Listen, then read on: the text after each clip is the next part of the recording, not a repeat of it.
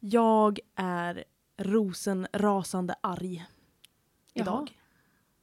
Så pass? Ja, Varför då? för att jag har tittat på en dokumentär som finns på Netflix. Blackfish. Har ni sett den? Hört talas om den. Mm. Eller jag har tittat halvvägs. Det är ju en dokumentär om späckhuggare som används på djurparker och i shower. Som fångas in från det vilda för att underhålla oss människor. Och det gör mig arg, helt ärligt. Och leder oss lite in på vad vi ska prata om idag. Och det är just ja, men djurparker och vildturism. Men innan vi ska komma in på det så kan vi ju säga att Moa är inte här idag. Utan det är jag, Linan. Och Mange? Och Hasse. Wow! vi ska ta er igenom ett eh, avsnitt själva. Mm. Eh, Moa är på vift i vår fina värld. Exakt. Ut i fjällandskap.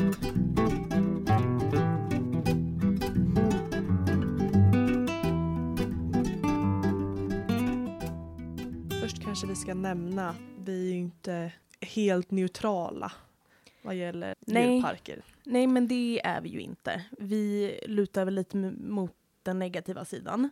Men vår ambition är ju att kunna förklara det här och grunda vår åsikt. Och vi kommer väl försöka också att lyfta positiva bitar också. För allting är ju inte svartvitt. Nej, Eh, så är det det. finns ju mycket gråskalor. Så att det finns ju såklart mer positiva delar i, när man tittar på djurpark. Men eh, våra åsikter kring djurpark lutar åt det mer negativa hållet. Det gör det. Eh, men djurparker är ju då uppbyggda på tre grundpelare skulle man kunna säga. Mm. Och då har vi forskning, kunskap, utbildning och bevarande. Och forskning då, då. Det här innebär ju att eh, universitet kan ha samarbeten med olika djurparker för att kunna bedriva forskning på djur.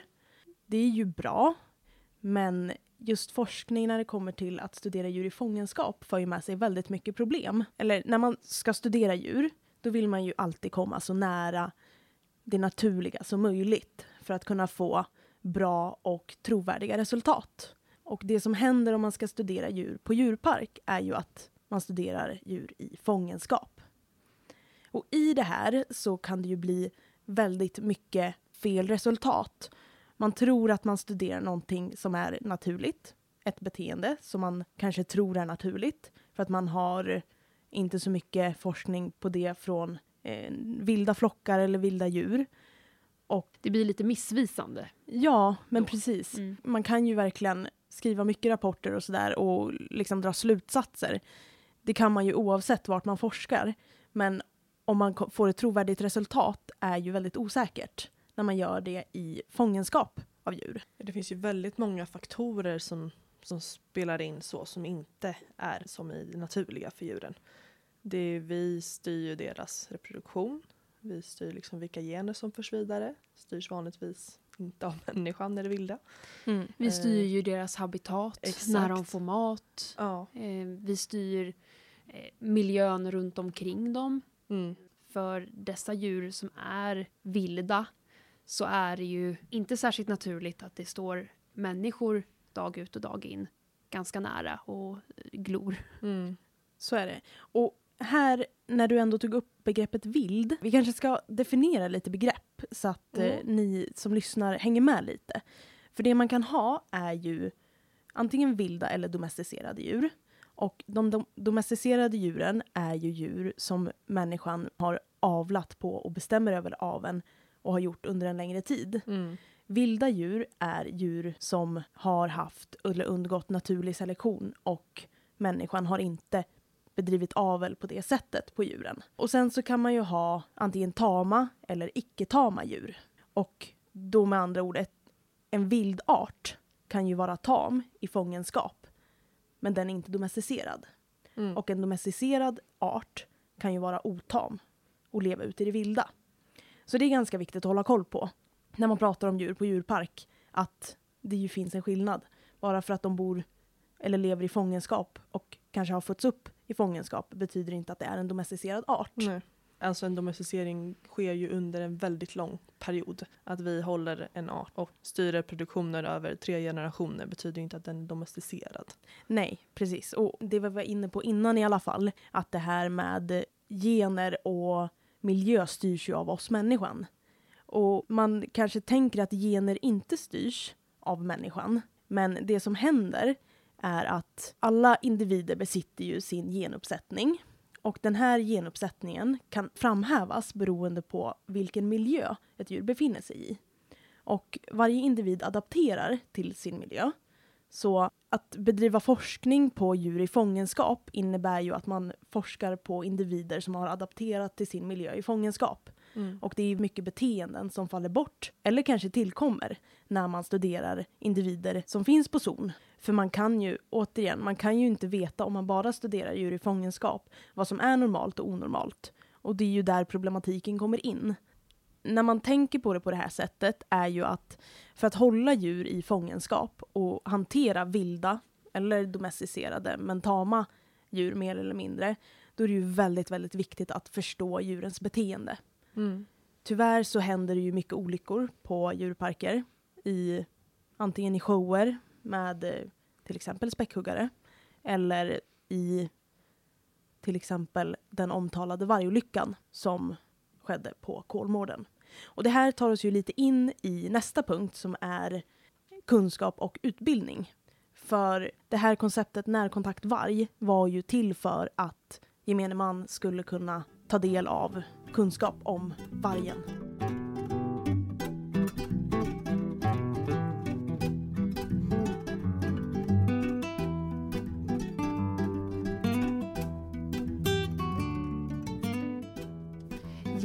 Så att kunskap och utbildning är ju då tanken från djurparker att de vill utbilda personer som kommer dit och tittar på djuren.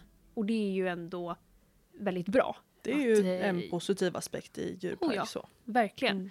För att jag tror att ju mer vi vet om olika arter, desto mer intresserade blir vi av dem och vi blir även mer engagerade, skulle jag nog säga, Mm. i att hjälpa till kanske att bevara arter och liknande. Djurparker har ju ändå ett stort ansvar och ett bra ansvar i det att förändra människors attityder till djur. Mm. För det är ju många som har negativa attityder till djur generellt men som kanske får träffa på djuren i, på djurpark ändra sin uppfattning. Och det är ju väldigt positivt. Men någonstans får man ju lite överväga i vilken mån man ska använda djuren för det här syftet. Mm. För sen är det ju också, de är ju ofta duktiga på att använda sig av positiv förstärkning när de tränar djuren på djurparker. Och det är ju också en positiv aspekt att eh, visa upp då för besökare och liknande att vilka metoder de använder sig av. För att det finns ju en anledning till att man använder sig av positiv förstärkning och det är Mm. ju för att det är ett snällt sätt egentligen att träna djur. Så är det verkligen. Och det kan ju göra att folk får upp ögonen för det här träningssättet. Att man ser att oj, ja men gud, titta vilka stora djur man kan träna på det här sättet. Det här ska jag hem och prova med min hund eller häst och så Mm. vidare. Mm. Och möjligheten man får i djurparker att träna djuren är ju väldigt bra. För att det gör ju att man på ett bra sätt kan habituera djuren till den miljön de lever i. Och det är ju till skillnad från om man ska titta på djur i det vilda till exempel. Det är ju helt omöjligt att påverka då Mm. som människa. Sen är det ju dock, det kommer ju också med baksida generellt också när vi pratar om att träna djur på djurpark. För vi styr ju dessa djurs miljö. Och att komma in till ett djur och träna det, vi ger dem ju inte direkt valmöjligheten. Till exempel om vi tittar på eh, shower, så som delfinshower eller uppvisningar med sälar och eh, liknande. Vi ger ju inte riktigt djuren möjlighet att inte vara med på något sätt. För att i slutändan så handlar det ju oftast om intäkter och pengar. Sen att djuren väljer att göra det är ju också kanske lite att vi håller ju ändå på deras mat. Vi styr deras mattillgång. Mm. Så är det ju verkligen. Och det är ju också en negativ aspekt. Att gör de inte det vi vill, då får de inte mat. Och det blir ju negativt också. Men och då lite här kommer man ju tillbaka till det här med forskning också. Att förstår man inte hur djuren fungerar, då är det ju väldigt svårt också att läsa av dem. Till exempel i träning och när man interagerar med dem. För att ju just den här vargolyckan hände ju på grund utav det. Och det är ju intressant också för att tanken är ju som sagt att bidra med kunskap och utbilda folk. Men jag skulle säga att den här vargolyckan, den Men- kom ju som ett brev på posten på grund av okunskap. Exakt. Jag förstår inte heller varför man ska liksom utbilda folk i att det är okej att gå in och klappa och vara nära en varg. Ser du en varg i det vilda ska du inte gå fram och klappa. Jag tror att eh, närkontakt varg skapades för att bryta eh, det negativa stigmat runt vargar.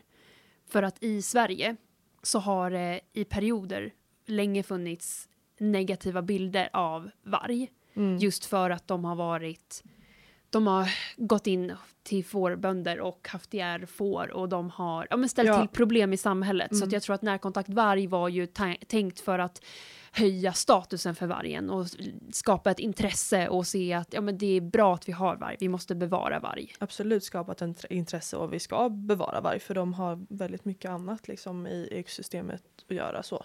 Men jag tycker fortfarande att det är helt sjukt att man skapar ett koncept med närkontakt när man, även fast man inte vill ha dem på sina gårdar och att man ska ha liksom en positiv inställning till varg så ska man ju inte gå fram till en varg om man ser en varg. Jag är helt med dig på det faktiskt. ja. För det går att utbilda och jag är med dig också. Båda, Ja, jag, han- jag Hasse säger inte att jag är positiv Nej, till nej, nej. Nej, verkligen. Och det förstod nog alla att Ja. det inte var. Men det är viktigt att poängtera varför de tog fram det här konceptet. Men det är ju precis som du Hasse Ja, säger. men det håller att ju liksom inte. Varför Nej. de ens tog fram konceptet Nej, håller inte ens. Det är bara en stor, enda stor brist. Det är det Ja. ju. Men för det är ju just det här att lära sig hur djuren, vilda djur fungerar just i det vilda. Mm. Inte i fångenskap eller inte när de är tama. För att det som händer i sådana sammanhang, det stämmer inte med hur djuren fungerar ute i det vilda. Nej. Man kan absolut få en bättre attityd till vargar för att ha träffat en varg. Så. Mm. Men man kan ju Men det går ju fortfarande förstå... inte att applicera när man träffar en varg i vilda sen. Om man nu gör det. Det är ju inte Nej, jättevanligt. så, men- precis. Och det är ju högst osannolikt också. Och Ja. som du, Mange, var inne på, det är ju ett stigma i samhället om just vargar. Mm. Men det som då hände med den här vargflocken, det var ju att man tog ett gäng unga, nästan nyfödda hannar från sin mamma. Och det man gjorde då var att man plockade bort de här och sen flyttade man hem dem till en av djurskötarna för att man påstod att de skulle präglas på människan. Och just begreppet prägling är, man skulle kunna använda det i, i det här syftet. Men någonstans blir det fel att påstå att vargarna skulle prägla på människan. För när man pratar om prägling, då menar man att det är en av de första inlärningarna som sker hos djur. Och då pratar man främst om fåglar. Men just den här inlärningen, när man pratar om prägling, har en genetisk predisposition. Precis. Det man egentligen skulle kunna uttrycka det som är att det sker en socialisering. Att eh, vargarna från en tidig ålder socialiseras och utsätts för människor egentligen för att habitueras och vänjas vid människor. För alla djur som man separerar från deras mamma i ung ålder så sker det en typ av... Alltså det är ju en störning i utvecklingsprocessen. Och just hos ny, nyfödda djur, eh, hos alla nyfödda, vi människor också, så händer det väldigt mycket neurologiskt under den första tiden. Och stör man den här processen, då kan det bli mycket skador i utvecklingen och individer utvecklas inte normalt. Precis. De kan ju utveckla eh, senare i livet då olika beteenden som inte är hälsosamma. Exakt. Och just i varje flockar så är det väldigt, väldigt tydliga familjestrukturer. Så en vargflock är ju egentligen en familj. Det är två föräldravargar som får avkommor som lever kvar i flocken. Det är Mm. inte som många andra flockar att avkommor försvinner iväg och skapar sina egna flockar och sådär. De lever ett samliv Exakt. under väldigt lång tid. Och sen så kan det ju såklart ske då att vissa individer försvinner iväg för att skapa Så sina egna flockar. Men många individer väljer faktiskt att stanna kvar och hjälper till att uppfostra de nya kullarna som kommer då från föräldraindividerna som då har startat flocken. Så är det. Och bara av den här lilla kunskapen nu kan man ju förstå att det som hände med de här vargarna var oerhört onaturligt. Och som du sa Mange innan att det är ju som ett brev på posten att det här inte skulle funka. För ett gäng ungvargar som växer upp sen utan sin naturliga familjestruktur, det kommer inte att funka på ett bra sätt. Och det är ju här det är så himla viktigt att förstå hur en vargflock fungerar ute i naturen. Förstår man inte det, det gör ju att olyckor kommer att hända med största sannolikhet. Ja, för det som fortsatt sen hände är ju då att de här vargarna föddes upp på nappflaska från människor. Och när de var tillräckligt stora då, då så sattes de in i ett hägn då i, på Kolmården och där så fick då den här flocken av unghannar bo. Och som vi nu var inne på med flockstruktur så blir det ju tokigt när det är då en grupp unga individer där ingen vet, det finns ingen som styr upp. Nej. Utan det är bara unga individer som tillsammans ska försöka Mm, bo tillsammans och det blir ju bara verkligen. kaos. Och det man ju nu påstods att de skulle prägla på människan, anledningen till att man ju tog in dem, eller sepa- separerade dem från mamman, då måste man ju då rent praktiskt som människa leva med den här vargflocken hela tiden. Då kan man ju inte när de blir en viss ålder bara lämna dem i ett hägn och sen försvinna därifrån. För att så funkar det inte.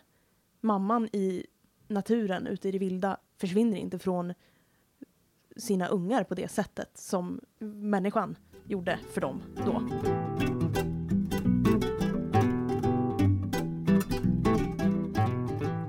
På tal om det här nu när vi pratar om vargar som har fötts upp på ett inte speciellt naturligt sätt så kommer vi in på den tredje pelaren för hur djurparker är uppbyggda då. Och eh, då har vi bevarande.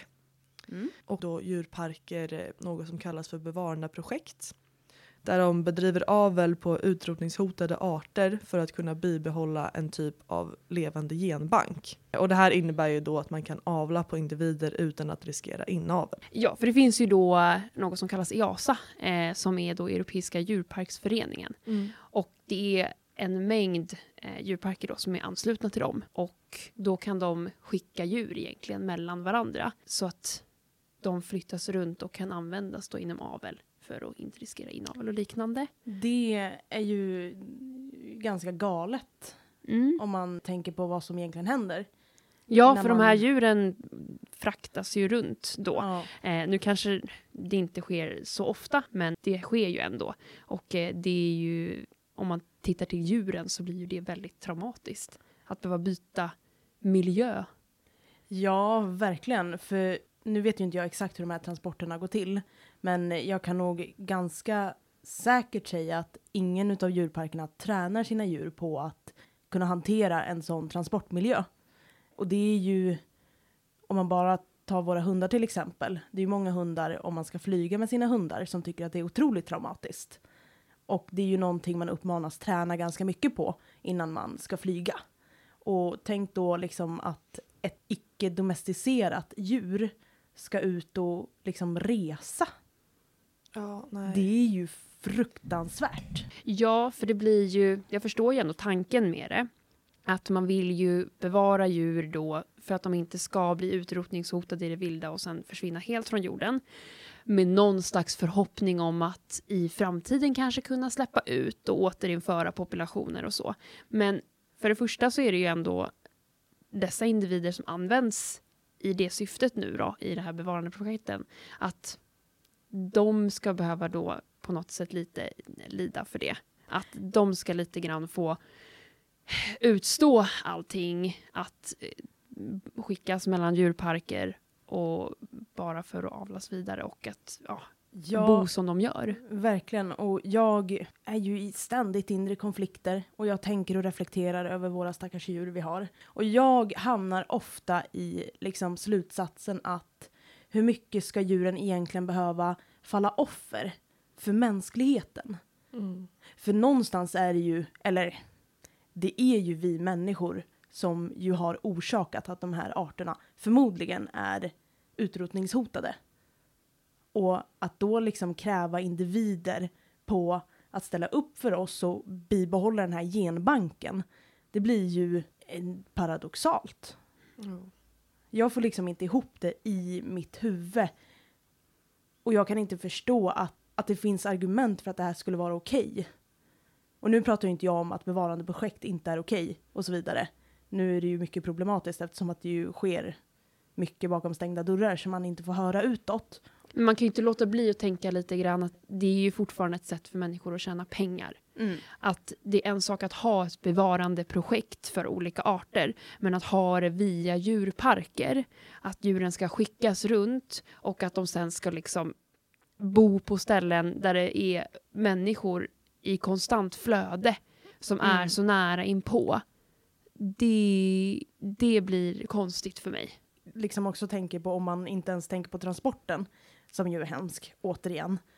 Att bara byta hem så många gånger. Bara våra domesticerade hästar påverkas ju ofta väldigt kraftigt av att byta hem. Och ser man då till, återigen, vilda djur eller icke-domesticerade djur. Det är ju fruktansvärt traumatiska händelser. Mm. Ja, och också så här att byta klimat så abrupt. För det Mm. beror ju på, jag menar om vi har eh, eh, ett djur här i Sverige på en djurpark och sen så ska den skickas till, ja jag vet inte, Spanien. Det blir ju ändå ett byte av klimat på något sätt. Och sen så kan det ju vara ännu större, tänker jag, klimatskillnad eh, beroende på vart de flyttar. Men att det, det är också en otrolig påfrestning. Men det blir byte i hela miljön. Alltså Mm. de, djurparker är inte identiska. Och de har inte identiska burar för olika sorters djur. Och sen tänker jag också, precis som du är inne på, att det är ju fler saker som påverkas. Att om den flyttar från en djurpark till en annan, det kanske är en helt annan typ av Mm. djurpark. Det kanske är mycket mindre utrymme, det kanske är mycket färre djur av samma art, det kanske är att de har helt andra Kanske rutiner. inte trivs med de andra djuren som Nej. de precis har blivit placerade med. Exakt. Så det är ju verkligen också en grej att lyfta. Att de ju byter kompisar eller familjer eller vad man vill säga Mm. med djur. Jag menar, tittar man på flockdjur som skickas omkring. Ja, då har man ju, precis som vi var inne med valar eller späckhuggare. Då har man ju tagit den här från sin flock. Och bara tänkt att nu ska du vara med någon annan. Alltså jag, jag blir bara verkligen så här att man att man kan göra så mot djur. Jag blir fan arg på riktigt. Ja. Det- Ofta tar man ju också unga djur som har fått vara med sin mamma en viss tid. Men i det vilda hade de varit med sin mamma väldigt mycket längre. Om de nu överhuvudtaget skulle vara ett djur som lämnar sin mamma så. Mm. Lämnar sin flock. Ja men precis, som vi var inne på, det som är, det som är vargar och Ja. späckhuggare. Ja. Alltså det, är ju, det finns ju ett antal djur som vi använder oss av som aldrig hade lämnat sin familj. Mm. Och typ elefanter Ja. måste ju ofta lämna sina mammor när de är tre år Mm. i fångenskap på djurparker för att det finns inte plats för så stora djur på den lilla ytan som djurparker erbjuder. Eh, och i det vilda så lämnar ju en hane sin flock vid sju års ålder. Eller nio. Eller ni, ja, mellan sju och nio. Ja. Och alltså det är många års skillnad. Även fast vi som människor tycker att det är tre år är länge för liksom ett Piece of djur att cake. Ja, exakt. Mm. Att man tycker att tre år är ganska länge för ett djur att vara med sin mamma. Så är det ju inte vi att bestämma. Var, varför ska vi bestämma det? Mm. Mm. Jag menar, det är ju sorg för de här djuren. De upplever ju otrolig sorg, just elefanter och späckhuggare. De sörjer ju något fruktansvärt för sina familjer och flockar som de lever i Mm. när, när en individ försvinner. Mm. Och det här är ju ingenting man säger bara för att förmänskliga, utan sorg är ju någonting som faktiskt finns hos andra arter än människan. Mm. Och det är ju bevisat. Mm. Och det måste man ta hänsyn till.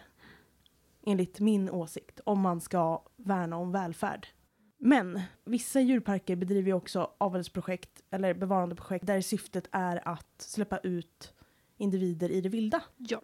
Men här finns det också väldigt mycket brister. Ja, alltså det är ju helt befängt att påstå att ett, ett djur som li- liksom växer upp i fångenskap ska kunna släppas ut i det vilda. För det är nästan alla gånger helt omöjligt. Ja, det här, här väljer vi ju också vilka gener som ska föras vidare. Och de växer upp i djurparken i det habitatet som djurparken erbjuder. Och att sen släppa ut dem i ett naturligt habitat blir ju inte längre naturligt för den här individen då som är uppfödd på ett zoo. Nej, och det blir mycket problematik i just det här med födosök och Mm. generellt att överleva beroende på vad det är för art. Vad man ska fly ifrån och vad som är faror ute Mm. i det vilda. För det är ju, en individ lär sig ju otroligt mycket under sin uppväxt. Mm. Och det är ju inte instinkter riktigt alla gånger. Nej. Är det ett flyktdjur, ja då är det en instinkt att fly när man blir rädd eller stressad. Absolut. Men att påstå att ett djur vet exakt hur den ska liksom födosöka eller skaffa mat om den växer upp inne i, i fångenskap, det stämmer ju inte. Nej. Eftersom att få ju inte mata djur med andra levande djur även fast det är ett rovdjur. Så Mm. det blir ju väldigt kontraproduktivt när man påstår det här. För att det sker ju väldigt, väldigt sällan. Att man släpper ut individer som växer upp i fångenskap i det vilda. Och precis som du Hasse sa att någonstans så bestämmer ju vi över reproduktionen även hos de vilda arterna i Mm. fångenskap. Och ute i naturen, då gäller ju liksom naturlig selektion. Då är det ju den individ som lyckas bäst i sin eh, miljö som Mm. överlever. Och det är ju ganska taskigt kan jag tycka, då om man skulle släppa ut en individ som har växt upp i fångenskap och inte kanske egentligen är adapterad till sin miljö genetiskt sett. Att bara släppa ut den bara, hoppas du klarar dig liksom. Ja, Det blir ju fel. Ja, sen är det ju också så att alltså, absolut att vi ska försöka bevara den biologiska mångfalden. Men är det en art då som har dött ut på grund av olika brister, bara för att vi sätter tillbaka den med några få individer så betyder inte det att den arten kan ta sig igen sen i det habitatet som den lever i, Nej, det naturliga. exakt. Det är ju mycket problematiskt. Ja.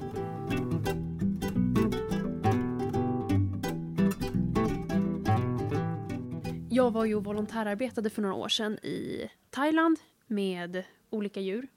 Och bland annat eh, gibbonapor. Och de finns ju naturligt då i Thailand. Och det de gjorde där, de försökte ju arbeta lite bevarande och att släppa ut de som det gick att släppa ut. Eh, och det var ju apor som de kanske hade fångat in som hade levt vilt innan men av någon anledning hamnat hos människor på något sätt och att de sen satte in dem som i ett program Mm. på det här stället då. Då vill jag också bara flika in att jag personligen tycker att det är stor skillnad på en djurpark och ett reservat. För i ett reservat får de ju leva på ett mer naturligt sätt. Kanske i sin naturliga miljö. Jag menar en gibbonapa som kommer till Sverige.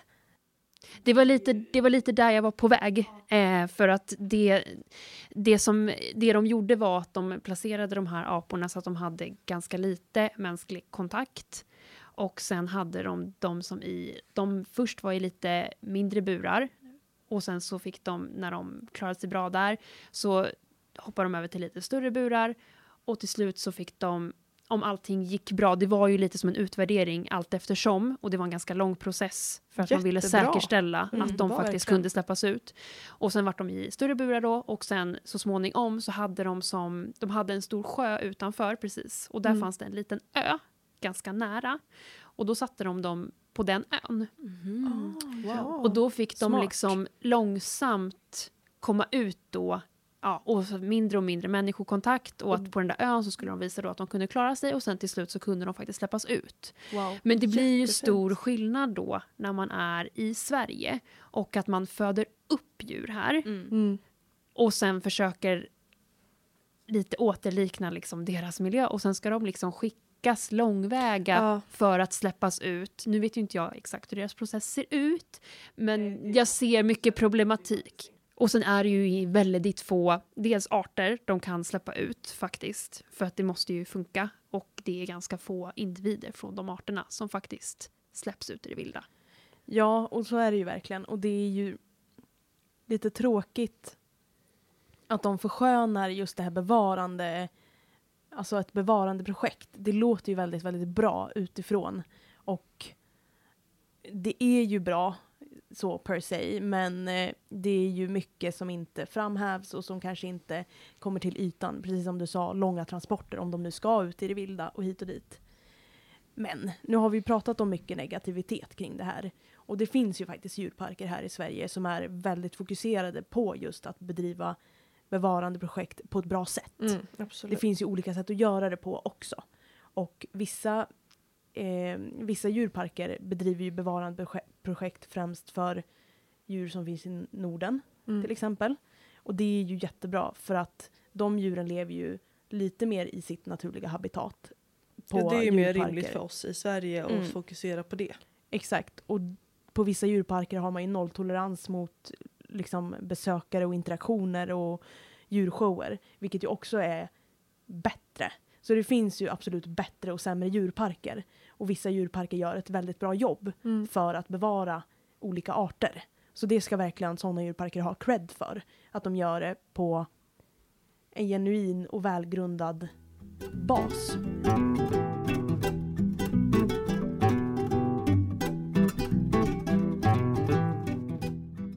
Vildturism då? Ja. Vad är det? Ja, men vildturism är ju egentligen att man åker till där djuren är istället. Det finns ju också väldigt många olika typer av vildturism. Ja, det beror ju på vad man tittar på för djur och vad, man, vad man gör. Exakt. Och många är lite mer positiva och lite mer negativa. Så antingen så kan man ju då åka och titta på djuren som lever bara i det vilda. Eh, och då kan man ju åka med olika reseföretag och, eller boka resor, typ en charterresa för att kolla på the big five eller vad det nu kan vara. Eller Men åka ut till så- sjöss och titta på sälar eller valar. Eller... Exakt. Delfiner. Eh, Mm. Eller så finns det ju nationalparker som man kan eh, titta på djur i. Eller naturreservat. Så det finns ju lite olika typer av turism som kan bedrivas med vilda djur. Min spontana tanke innan lite jag började reflektera och sådär om saker och ting här i livet var ju att vildturism är ju toppenbra. Det är så mycket bättre än djurparker och jada jada. Exakt. Det är ju Och- inte toppen bra men bättre. Ja, Ja, men det var väl lite, för jag kan ändå hålla med om att eh, innan jag började reflektera också så tänkte jag liksom inte det fanns något negativt. Nej. Utan möjligtvis att man kunde tänka att, ja, att man inte ville kanske stressa djuren genom att åka, Fast- följa efter djur så. Ja, jo såklart. Men- Men, jag var inte ens där i mina tankar om jag Nej. ska vara helt ärlig. Jag var verkligen, ska man titta på djur då ska man göra det i det vilda. Oh ja, Men det för ju med sig negativa saker också. exakt. Och vad har vi för negativt kring att titta på djur i det vilda? Vad kan det föra med sig? Det beror ju helt på vad man tittar på för art och vad man vill titta på. När man... Eh, Och hur man tittar. exakt. Ja, främst kanske hur man tittar. Ja. Ja men precis, för det går ju ändå lite hand i hand med. Man utsätter ju kanske för olika saker beroende på vad det är för art och hur man tittar då. Mm. Till exempel ja, om man åker ut till sjöss eller om man är på land. Eh, så. För åker man ut till sjöss, det man har kunnat se är ju att det är väldigt bullrigt i havet nu mera. Det har ju varit det ett tag. För det är ju väldigt mycket fartyg och så ute och åker på våra hav. Och vi tänker ju att det är ju så stort och det finns så mycket plats. Men många av ja, men arter som valar och delfiner och liknande, de kommunicerar på långa avstånd genom ljud. Och det störs av bullret. Och genom att åka ut och titta så bidrar man ju till det här bullret då i Mm. havet. Mm. Som gör det svårt för till exempel knölvalar att kommunicera med varandra. Mm. Och det här är ju en av de grejerna som jag inte tänkte på förut när jag reflekterade över sånt här. För att man tänker ju att lite vattenlevande djur är ju skonade från det mesta som vi människor gör här uppe på land. Men det stämmer ju inte. Nej, och jag tror väl också så här lite att man kanske tänkte att ja, men de kan ju bara simma iväg, de kan ju bara simma ner liksom så. Mm. De kan väl bara akta sig om de inte vill vara med. Men tänker man till exempel en knölvalshona med hennes unge. Ungarna är ju inte alls lika duktiga på att hålla andan. Och behöver ofta hjälp av sin mamma för att vara uppe vid ytan ibland. För att de, ja, tills de har blivit tillräckligt stora. Så. Mm. Och eh, då har ju inte de alls samma möjlighet att flytta på sig om det kommer båtar för att titta. Mm. Och i många fall så kan det ju faktiskt vara så. Man får inte glömma att det är väldigt mycket människor på denna planet. Och det är väldigt många som är intresserade av att titta. Och att bara för att man själv har åkt ut en gång och så kanske det bara var ens egen båt och det var lugnt och stillsamt så. Det är ganska många i slutändan som gärna åker ut och tittar med sån här turism. Så är det. Och precis samma sak gäller ju för djur på land. Som jag sa innan om man vill kolla på kattdjuren, the big five. Att man åker ju ofta ut med bil och tittar på alltså alla möjliga djur som man kan träffa på. Och just det här behöver inte vara så dåligt för att många djur habituerar ju till den här grejen att det finns människor i närheten.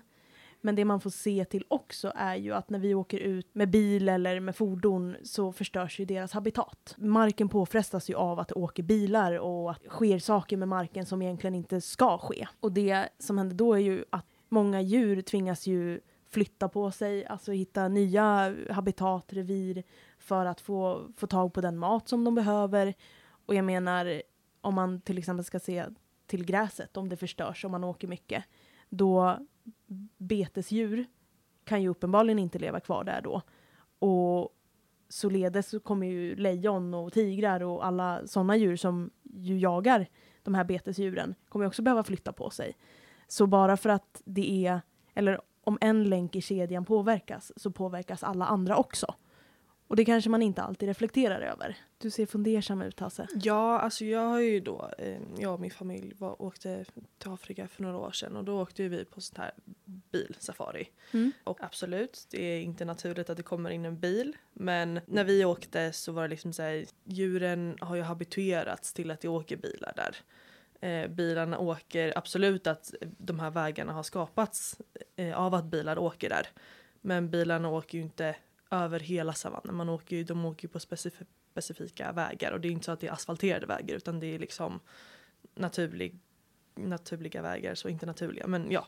Mm. Eh, de, är inte asfalterade så djuren går ju över det här och det är inte ett hjulspår som görs, det finns hur mycket annat gräs som helst. Mm. Jag vet inte, alltså absolut det är inte jättebra men vad jag kunde se och då tittade jag ju väldigt mycket på djurens liksom så kroppsspråk. Man kan inte se om de är helt stressade inuti men utanpå så visade de inte speciellt mycket stress. Jag tror att det var typ en struts som sprang för vägen alltså, och då var vi ganska långt iväg. Så jag vet inte ens om det var oss den sprang för. Nej. Så. Eh, Nej, Men- precis. Och det var ju precis som jag sa också att många habituerar ju till det här. Ja. Och det behöver inte vara människans närvaro som Nej. påverkar negativt. nej. Men just det här med habitatförstöring är ju lite mer komplext än att det bara åker bilar. Jag menar för Ja. att ta sig till ett land där det finns lejon då måste man ju ofta flyga och så vidare och så vidare. Jag ja, menar, den flygplatsen den här- har ju byggts och förstört habitatet, absolut. Ja. Men jag tänker alltså just själva Man kan ju alltid dra det i, ja, man kan ju alltid dra det i väldigt långa led såklart. Men, Ja. eh, Mm.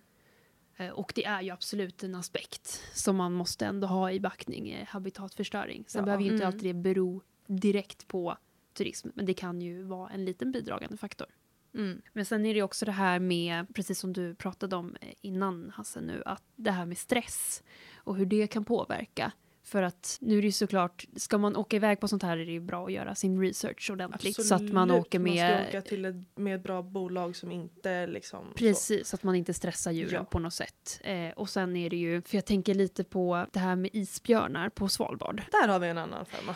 Exakt, för det finns ju verkligen, jag tror att när man pratar om vildturism, jag tror att de flesta automatiskt tänker på att man åker till savannen och Mm. tittar på the big five. Mm. Det är nog det första folk tänker på.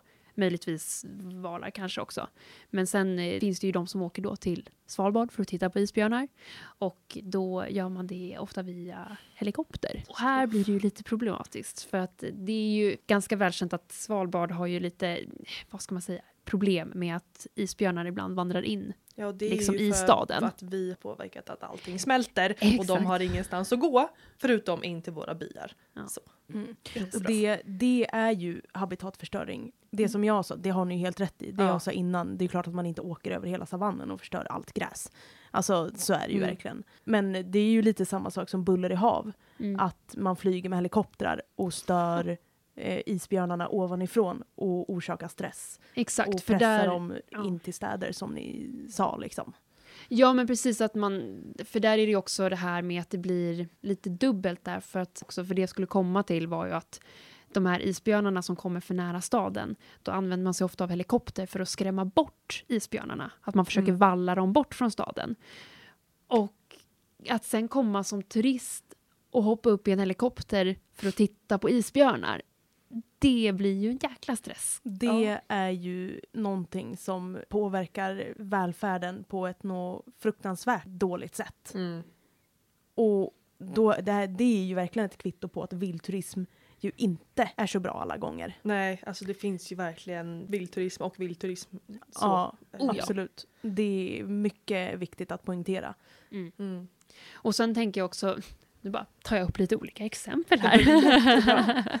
Men eh, jag tänker på det också med när man åker för att titta på hajar med hjälp av en hajbur. För när man tittar på hajar så är det ju ibland lite vanligt att man använder sig av lockbete för att få fram hajarna. Mm. Man använder sig av eh, kött och liknande som man kastar i vattnet för att hajarna ska ta sig dit då. Och det är ju inte helt ovanligt att hajarna, medan de då försöker attackera den här köttbiten då, att de hamnar i buren tillsammans med människorna. Köttbiten då. Nej, alltså hajen.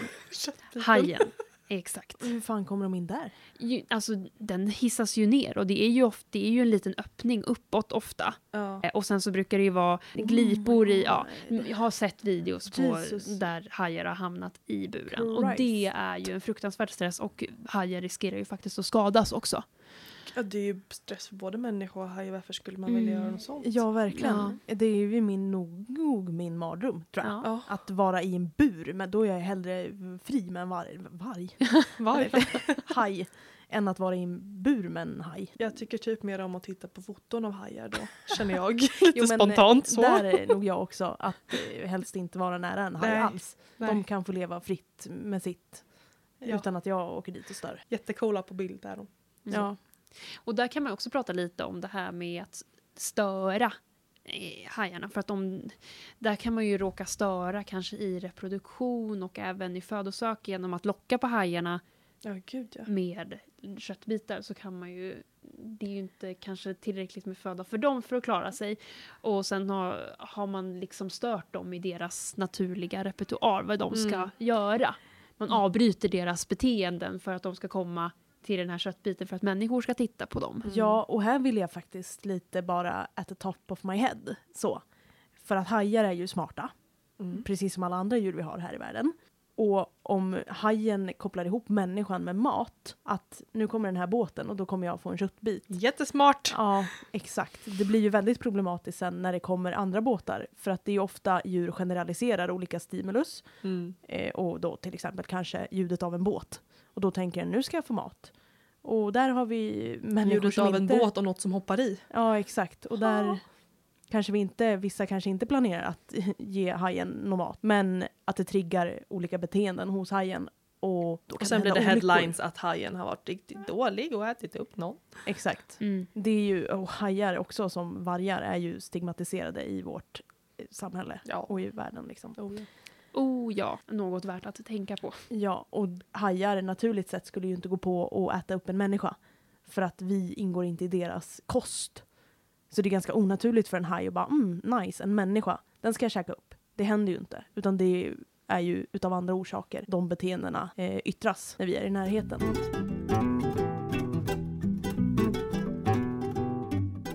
Våran kanske uppmaning till folk är ju att vill man titta på djur, titta på en dokumentär, nummer ett. Nummer ett. Eh, titta på Blackfish. Nej. Nej, men att gör, gör research. Och om du vill åka till djurpark, gör research till vilken djurpark du bör åka till. Och vilken eh, djurpark som har det, gör bäst och mest för djuren. Eh, och vill du åka och titta på djur i det vilda, samma sak. Gör research. Ja. Och är det någonting som verkar misstänksamt eller om det bara, om någonting inte känns helt rätt, skit i det. Mm. Det är inte värt det. Varken Nej. för dig eller för djuren. Mm. För att vi måste värna om våra djur Mm. och se till så att alla djur har bra välfärd. Ja, och det kan väl vara lite svårt ibland kanske att veta om man inte är så insatt, liksom hur man ska tänka. Eh, så, för det är ju lätt att säga liksom, tänk efter innan. Och jag tror att många gör det, men att sen så kanske man inser en tid senare att man inte hade tänkt på allt och att ja, det kan Mm. vara svårt. Men jag kan tycka att det underlättar ibland lite grann om man själv sätter sig i djurets position. Om jag hade varit ett skyggt och bott på en djurpark och det kommer människor som är väldigt nära inpå och sådär, hur hade jag upplevt det? Exempelvis. Att försöka sätta sig lite i djurets sits. För eh, det kan ju mm, som sagt finnas olika nivåer. Kanske också en liten uppmaning att lära sig om djur innan man åker till djurparken. Mm. Det är absolut ett sätt att lära sig på djurparker, för att det är ju ett av deras syften. så. Men att kanske lära sig innan man åker till djurparken. Mm. För att det kanske är svårt att veta vilket djur som är ett flyktdjur till exempel. Och då kanske man inte tänker på att det är en stressande miljö med otroligt mycket stimuli runt omkring eh, som är onaturligt. Så googla på Mm. djur som finns på djurpark och lär er om deras beteende. Och sen kan ni åka dit och lära Mm. er mer om ni anser att det, det är en bra djurpark Mm. och att de gör på rätt sätt. Exakt. Sök information, det är kul. Mm. Mm. Och det är väl generellt för allt när man ska hålla på med djur. Lär er. Mm. Eh, var nyfikna. Och det finns fantastiskt mycket intressant att läsa om som berikar både våra liv och djurens liv.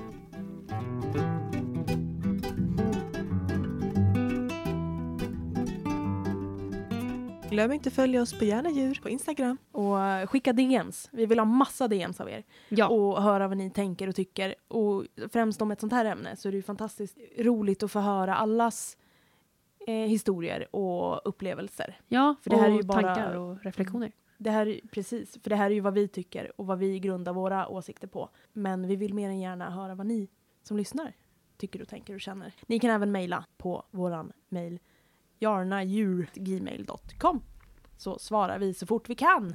Men hörni, då ses vi i nästa avsnitt. Det gör vi. Det gör vi. Hej då! Bye! Bye bye!